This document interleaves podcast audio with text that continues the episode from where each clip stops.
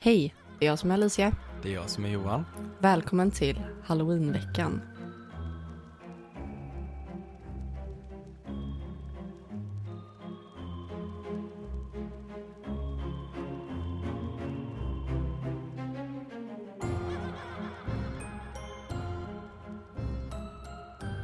Idag blir det spökhistorier. Det är ju ingen halloweenvecka utan spökhistorier, Nej, eller hur? det är det inte. Och det har ju många av våra följare önskat också. Ja, självklart. Ja. Ja, vi frågade ju på story vad ni ville höra. Mm. Då var det ju spökhistorier. Mm. Så det är klart att vi ska köra spökhistorier. Ja, men självklart. Ja. Och du har ju hittat två stycken Ja, medan jag var på jobbet. exakt. Så du ska få Så Mm. läsa jag ska dem. få läsa dem, ja. Mm. Ja, det är mina spökhistorier. Mm. Perfekt. Första heter Jag tycker inte om att gå ut med hunden när det är mörkt. Stämmer det för dig? Nej, för mig kvittar det. Men den historien heter så i alla fall. Ja. Det hela började när jag tog ut hunden för att kissa. Hon är bara liten, men hon skrapade på dörren som en galning. Jag kommer, skrek jag och tog på mig mina skor. Det var halloween, men det fanns ingen barn som ringde på dörren här. Mitt hus låg långt från vägen, minst fem minuters promenad. Inte särskilt roligt för barn om du frågar mig. Jag grep tag i min telefon och tände utebelysningen för säkerhets skull. Den gjorde knappt någon skillnad i den månlösa natten. Den lyste upp entrén, men inte mycket annat. Jag tände ficklampan på min telefon. Min lilla hund sprang direkt genom trädgården och rakt in i skogsbrynet. Det var inte alls som henne. Vanligtvis föredrog hon att kissa på gräset direkt utanför dörren. Hon är mestadels svart, så som du kan tänka dig försvann hon ganska snabbt ur sikte. Jag ropade åt henne att komma tillbaka till mig, men hon verkade ha fått upp ett spår. Jag kunde fortfarande höra små fotsteg som knastrade genom löven precis ur sikte. Det var kallt, men det blåste inte. Inga ljud alls faktiskt. Jag lyste med min ficklampa omkring mig, men ljuset räckte inte nog långt för att hitta henne. Jag tittade tillbaka på huset och övervägde att hämta en starkare ficklampa. Jag måste erkänna att jag blir lite skrämd av att ta ut hunden ensam på natten, så jag hade lämnat bakdörren vidöppen. Genom dörren kunde jag se in i tvättstugan som var starkt upplyst. En stark kontrast till mörkret där jag stod. Det var då jag såg det. En mörk skugga som sprang runt hörnet av huset och gick rakt igenom den öppna dörren. Paniken grep tag i mig och magen sjönk ner i knäna. Medan jag stirrade på fönstren såg jag konturen röra sig genom huset. Min hund sprang in i mina armar och jag krympte ihop vid foten av ett träd. Om jag lärt mig någonting av skräckfilmer så visste jag att man inte skulle gå in i huset. Jag gjorde vad vilken vuxen som helst skulle göra på en halloweenkväll. Jag ringde polisen. Finns det några tonåringar i närheten som skulle vilja lura dig? Har du kanske retat någon av dem? Frågade polisen. Vad tror du om mig? Ser jag ut som en gammal man som har en romans med sin gräsklippare och beslagtar bollar som hamnar på min trädgård? Frågade jag polisen, som höll i sin kaffekopp som om livet hängde på det. Han var inte road. Hans radio larmade om ett annat ärende.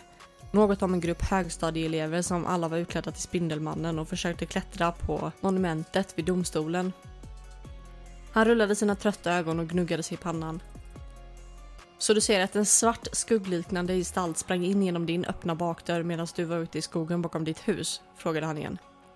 Ja, jag har redan berättat det. Jag släppte ut min hund och ja, det såg ut som att han hade på sig någon form av mantel. Och nej, ingenting saknas från huset. Och ja, jag är spiknykter, sa jag irriterat. Nåväl, hen är borta nu. Jag har genomsökt hela huset. Försök att hålla dörrarna låsta och meddela oss om du ser något mer, okej? Det verkar som att jag måste fortsätta. Min hund sov hopkurad på soffan. Hon tittade upp på polisen när han gick ut genom dörren och han klappade henne på huvudet. Jag gick in i badrummet för att borsta tänderna. Jag tänkte att det bästa jag kunde göra var att gå och lägga mig vid det här laget. Jag öppnade medicinskåpet och där inne låg ett papper instucket mellan hyllorna och dörren. Lappen föll försiktigt ner på handfatet och jag plockade upp den. På lappen stod det Du har blivit besökt. Om du inte önskar att bli besökt igen, lämna en godisbit åt oss på verandatrappan.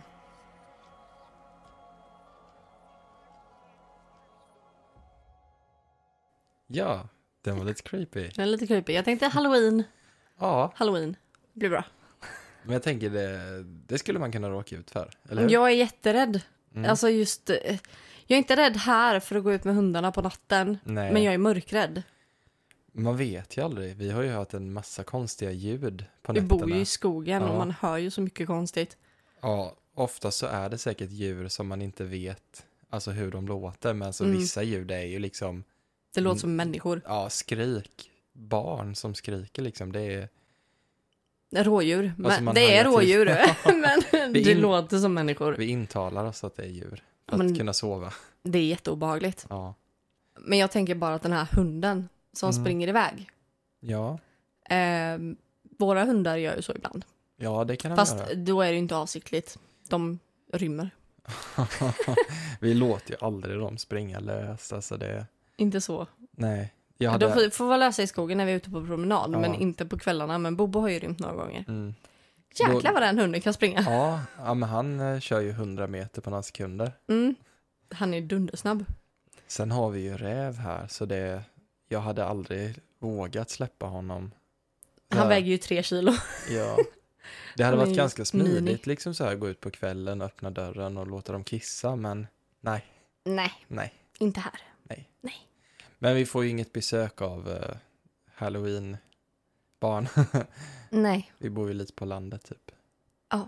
Fem minuter från vägen ungefär. Vi fick ju aldrig det när vi bodde i lägenhet heller. Nej, det fick vi faktiskt inte. Nej, men dina föräldrar får. Ja, de får. Varje Mm. år. Men det är kul. Det är mysigt. Det är jättekul. Du har ju en till här på lager. Ja, tänk att jag har det. Ja, Ska jag läsa upp den också? ja men det tycker jag. Den här tycker jag är lite läskig. Mm. Är den läskigare än den du läste nu? Där är den. Då trappar vi upp. Trappa upp. Mm. Cecilia hade levt två månader i en värld fylld av sorg sedan hennes älskade man Björn tragiskt omkommit i en fruktansvärd bilolycka. Varje kväll före hans död brukade han utföra en liten ritual innan han gick och la sig. Han tog sin sömnmedicin, tog upp glaset med vatten, drack några klunkar och satte tillbaka det på nattduksbordet. Han gäspade ljudligt innan han sjönk ner i en fridfull sömn. Cecilia hade inte kunnat sova ordentligt sedan Björn gick bort.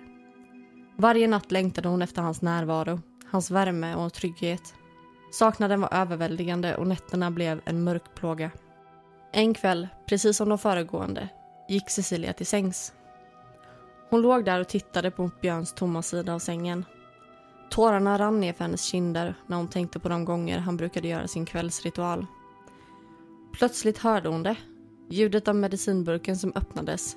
Ljudet av Björns vattenglas som ställdes ner på bordet och sen hörde hon honom gäspa ljudligt. Hon kände värmen bredvid sig och hur sängen sjönk ner när han la sig bredvid henne. Cecilia kände sig lugn och trygg som hon inte hade gjort på länge. Men så, som en blixt från klar himmel, insåg hon sanningen. Björn var ju död. Han hade varit borta i två månader. Hon hade blivit överväldigad av sorg och saknad och nu föreställde hon sig att han var där bredvid henne. Cecilia kände paniken i kroppen och hon slängde av sig täcket och stirrade på Björns tomma sida av sängen. Det var ingen där. Hon insåg att hon måste ha inbillat sig alltihop. Natten därpå hände samma sak igen. Cecilia låg kvar i sängen när Björn kom. Han utförde sin kvällsritual precis som alltid och sen la han sig bredvid henne. Cecilia kände hans närvaro, hans tyngd på sängen och även om hon visste att det inte var möjligt så ville hon bara känna honom nära sig igen. Hon saknade honom så mycket att det gjorde ont. Den tredje natten kom Björn tillbaka.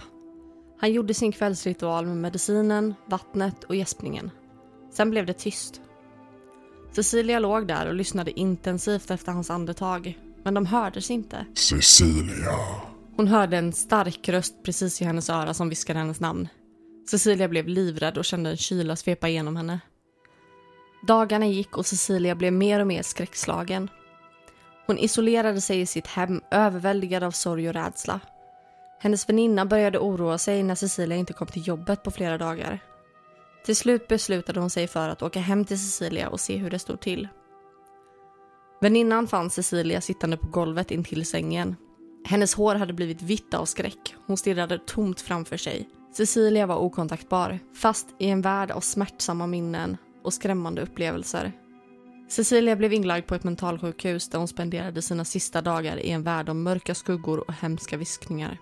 Saknaden efter Björn och de nätter då hans spöke hade besökt henne hade förvandlat henne till en skugga av sitt forna jag, fast i ett evigt mörker av sinne och själ. Den här var ju lite sorglig tycker jag. Ja, den är sorglig. Mm. Den är sorglig och lite läskig. Mm, det är med. Men jag tänker ju bara typ om det hade varit någon av oss. Ja, det är sorgligt. Ja. Det är jättehemskt. Hade du typ så här, har jag någon så här ritual jag gör på kvällen som du hade saknat eller? Inte som jag hade saknat. jag tyckte det var skönt. Jo, men du tar av dig din mössa, du pruttar och sen så går du och lägger dig. Det är typ den. Du kanske hör, hör mössan och prutten. Fiser i mössan. Ja. Nej men gud vad barnsliga vi är. Sluta nu. Men vad tyckte du om den här berättelsen? Jag tyckte den var bra. Den var bra. Mm. Tack! Jag vet ju att du har skrivit den själv. Ja, Mm. Mycket bra faktiskt. tack så mycket. Mm. Tog det lång tid att skriva? Ja. Har du gjort det, suttit med det idag? Ja. Mycket bra jobbat. Tack så mycket. Mm. Nej men jag tycker ju om att skriva. Så att Mm. det var kul. Mm. Få skriva lite. Ja, Nej, men jag kände att det här var lite så här mysiga. Men jag ville ha att det Spökhistoria. skulle vara lite så här eh, klassisk spökhistoria. Mm.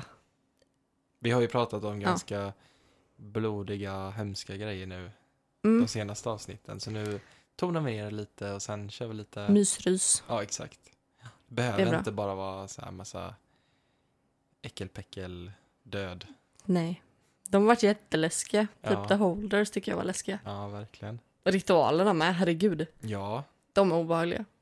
Ja, men eh, det här blir dagens avsnitt. Mm. Vi håller det lite kort. Ja, det gör vi. Mm, Och eh, så ses vi i morgon. Ja. I nästa avsnitt igen. det gör vi. Tack Ha det för bra. att ni lyssnade. Hej Ja. då. Hej!